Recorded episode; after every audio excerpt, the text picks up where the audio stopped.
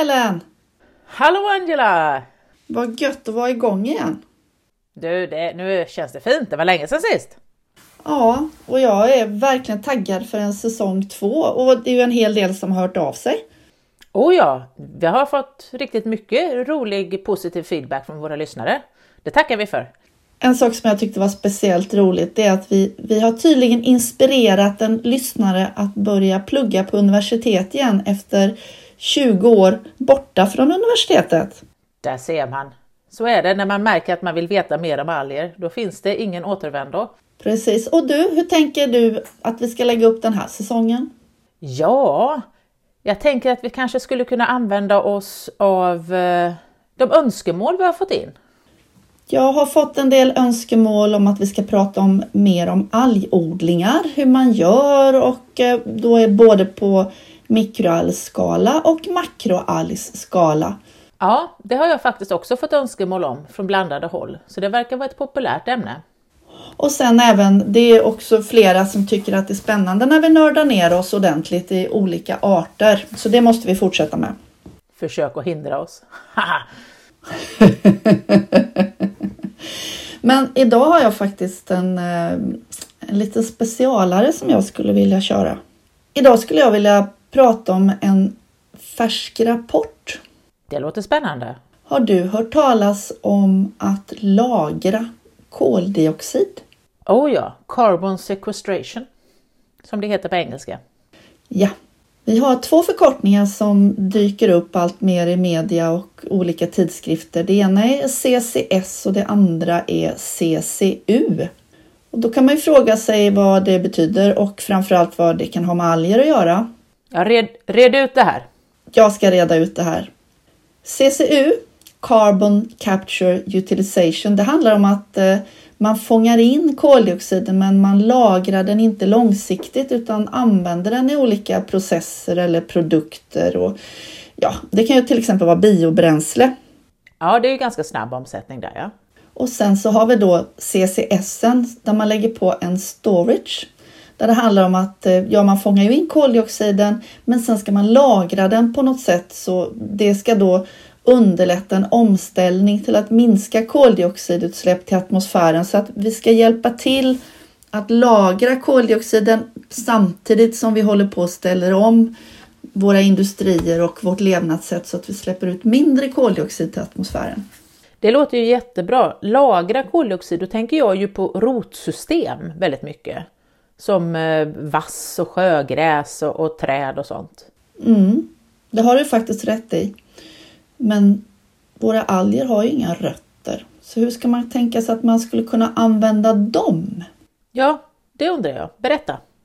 Ja, men då har det kommit ut en rapport eh, från Ocean Visions. Vi skriver om det på Tångbloggen.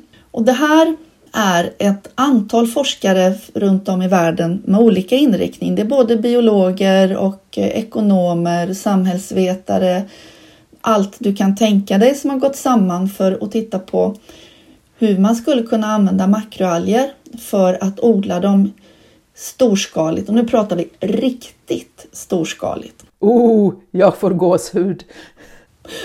Eller hur? Visst får man lite gåshud, det får jag också. Men grejen är ju här eh, att som vi nu var inne på det med rötter, de har inga rötter. Så att vad man istället tänker sig det är att man odlar dem och så ska man underlätta att de sjunker ner på djupa havsbotten där de sen då kommer in i sedimentet och lagras där och inte kommer tillbaka upp i vattnet och därmed sen då upp i atmosfären. Men du, det här har jag hört talas om, men där har jag också läst lite kritik mot det här att man då helt plötsligt ska dumpa väldigt mycket organiskt material på djuphavsbottnarna som inte alls är vana vid det. Du har så rätt Ellen. Som vanligt har du så rätt. Nu ska vi inte göra om samma misstag igen, att vi ska ta snabba lösningar utan att veta någonting. Inga quick fix, även om det är bråttom. Så i den här rapporten har eh, man lyft 23 frågor som behöver svaras, besvaras samtidigt som man då ska rekommendera hur man ska ta sig an det här. Och det är en detaljerad guide och rekommendationer och även kostnadsuppskattningar. Jag blandar alltid ihop det här med när det står billion på engelska. Är det en miljon eller en miljard?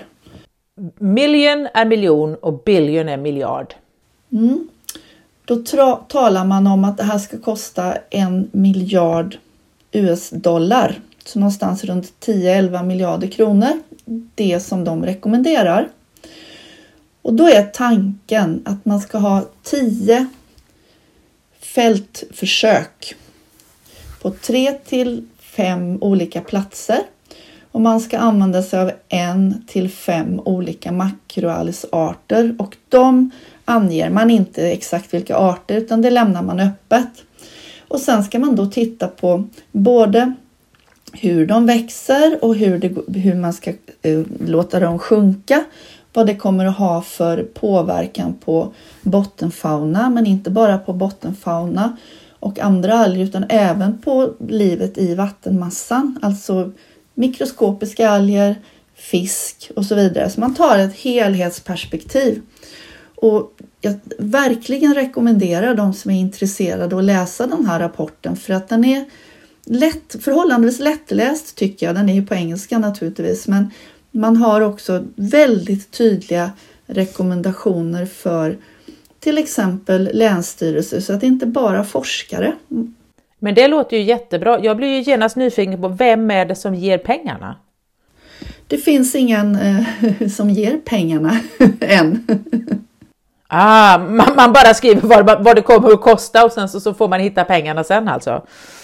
Ja, precis. Så det här är eh, en kostnadsuppskattning för att man sen ska kunna gå vidare och hitta investerare och även forskningsprojekt. Alltså det kan ju vara statliga och det kan vara EU-projekt och det kan vara globala fonder som satsar på det här. Då.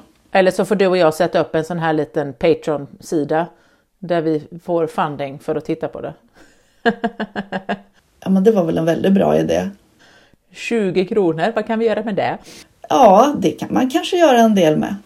Hur som helst så tycker jag att det, det som är väldigt attraktivt med den här rapporten det är att man tar helhetsperspektivet. Så att man tittar först hur man tänker sig storskaliga makroalgsodlingar och sen så var de ska ligga och framförallt var de inte ska ligga någonstans för att inte störa trafik, inte störa eh, marint liv och så vidare. Och sen då eh, hur beskriver man hur man har tänkt sig de fångar in koldioxiden med hjälp av fotosyntesen och sen då att de naturligt ska sjunka ner till botten. Och det är inte så trivialt det heller för det måste få på ett ställe där det inte är för mycket strömmar så att de åker iväg igen. Utan håller sig på odlingarna och sjunker på rätt ställe. Och sen måste det vara rätt djup. Så djupet får inte understiga 50 meter som de säger. Okej, okay, så de räknar djuphavet alltså som djupare än 50 meter? Ja, det är ju vad våra vänner oceanograferna kallar för ytskikt och knappt det. Ja, precis. Jag blir lite fundersam här, för, för djuphav för mig är ju sådär 3000 i alla fall. Ja, men det är också så att de är ju inne på det med, utan de vill bara vara tydliga med att det får inte vara på grundare områden. Och sen så är ju tanken att, eh, som de skriver också, att det ska faktiskt deponeras djupare än så. Men det här är framförallt när man börjar titta på, dem, titta på det och undersöka det eh, och eh, möjligheterna med det. Och man tänker sig att det här ska hålla på i två till fem år så det är ingen quick fix utan man måste kontinuerligt ta prover och undersöka vilka effekter det får. Men samtidigt så är det ju, du kommer du ihåg när vi pratade om de här jätte, jättestora flytande mattorna av eh, sargassum? Jag satt precis och tänkte på det här. Det här är ju egentligen bara att man vill pröva att göra ett kontrollerat Sargassohavet någon annanstans. Mm, faktiskt är det så. Det borde ju finnas väldigt mycket studier från Sargassohavet just på dels eh, hur, hur, det funkar med, med accessorisk flora och fauna, även om det har hållit på så länge så där det hunnit bli väldigt specialiserat. Men också just på det här med hur lång tid det tar för, för en alg då att sjunka ner till botten och var den hamnar. För att jag menar, ska det sjunka ner till 3000 meter, då är det ganska många vattenlager som den ska passera och de kanske då rör sig åt olika håll. Så det här blir en väldigt intressant vatten skiktströms modell för att se att om jag vill ha någonting som ska landa här så behöver jag slänga i det där borta. På en, på en torsdag klockan två. Jajamän. Mycket hydrografi, mycket beräkningar här och det är det också de är inne på.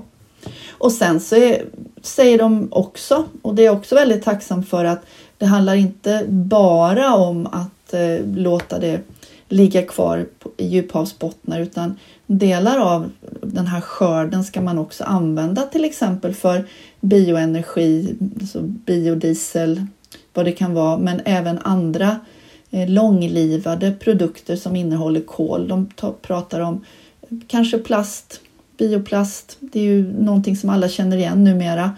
Så de har även exempel på att vi inte bara ska liksom dumpa det och delar av det kan dessutom bli både gödningsmedel och mat. Men då är det mer eh, då är det mer viktigt att man tänker på att de produkterna måste ju också hålla inne kolet under en lång tid för att om vi snabbt gör en plastprodukt och sen bränner den då kommer ju koldioxiden snabbt tillbaka till atmosfären. Ja men precis lite grann. Ja det, precis, det gäller att göra. Plast i sig är ju inte dåligt, det är ju vår hantering av plast som inte är bra. Och det, det får man väl titta på det här då med att just göra långlivade plastprodukter som, har, som inte går tillbaks till återvinningen snabbt och bränns upp. Just så. Så det är egentligen två processer. Det är både fånga in koldioxid och använda det, men också att fånga in koldioxid och lagra det så att det inte kommer tillbaka till atmosfären förrän vi har hunnit med att åtgärda andra koldioxidutsläpp till exempel kolkraftverk som vi absolut inte vill ha i några länder. Inte, Sverige ska inte finansiera kolkraftverk i fattiga länder som någon nyligen har föreslagit offentligt. Äh, det är ju så dumt så att då, då, då, då vill man ju liksom nästan bara dra en skämskudde över sig för då har man ju verkligen inte förstått att planeten är rund. Äh, det vore ju ett, ett pinsamt eh, brukande av svenska medel. Det är lite grann som om man skulle borra brunnar i arsenikrik berggrund och döda folk istället för att hjälpa dem. Ja. Mm. Men nu känner jag ju här att det här är ju jättespännande för kan vi då göra studier på hur alger bryts ner i djuphavet? Vad finns i djuphavet i stora mängder? Och där finns det sjögurkor. Här kan jag kombinera mina två favoritforskningsfält känner jag. Det här är ju som klippt och skuret för mig. Hur får jag pengar? Vem ska jag ringa? Jag vill ha en ubåt. Ja, men kanske det. Jag skulle behöva en liten ubåt. Det känner jag. Är det någon av våra lyssnare som har en liten ubåt så är jag intresserad. En liten undervattensfarkost som går ner till cirka 3-4 tusen meter skulle vara jättebra. Gärna med ett trevligt panoramafönster. Men du Angela, det här var ju jättespännande. Eh, det här, det här måste jag gå runt och fundera lite på så ska jag absolut ta och läsa den här rapporten för det verkar roligt. Mm, bra, men eh, vad, vad har du tänkt att vi ska hitta på resten av säsongen? Vad har du tänkt att vi ska fylla säsong två på Algpodden med? Det som ligger närmast till hands för mig just nu det är att eh, berätta om algodlingar. Både liten skala och stor skala. Och hur man faktiskt också kan ha sin egen lilla hobbyodling om man bor nära havet.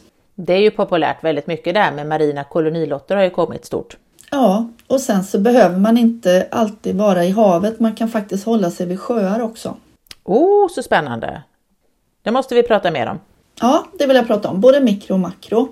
Sen så är jag faktiskt väldigt sugen på att du ska grotta ner dig i algers livscykler igen.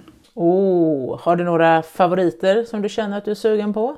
Jag har ju rödalger som favoriter som är du vet de här riktigt otroligt komplexa. Men jag har fått eh, lite önskemål om att ta det basic och helt enkelt gå igenom så noga vi kan och lättförklarligt vi kan hur alger förökar sig. Oj, jag ser en liten paradox där på eh, noggrant och lättförklarligt. Mm, jag vet. Men det kanske vi kan kombinera. Det blir en utmaning. Det är en utmaning, så den passningen börjar jag med att ge till dig. Ja, men det är fint. Jag plockar upp den bollen. Sen har jag en del isalger del 2. Oh, ja! Mm. Vi lär oss mer och mer om isalgerna och de som lever i isen. Så där, det är en liten teaser. Det kommer definitivt. Och också att vi följer upp, för det har jag också fått frågor om att följa upp vad man kan använda alger till. För det finns ju, vi bara berörde ju ett antal häftiga produkter men det kommer mer hela tiden.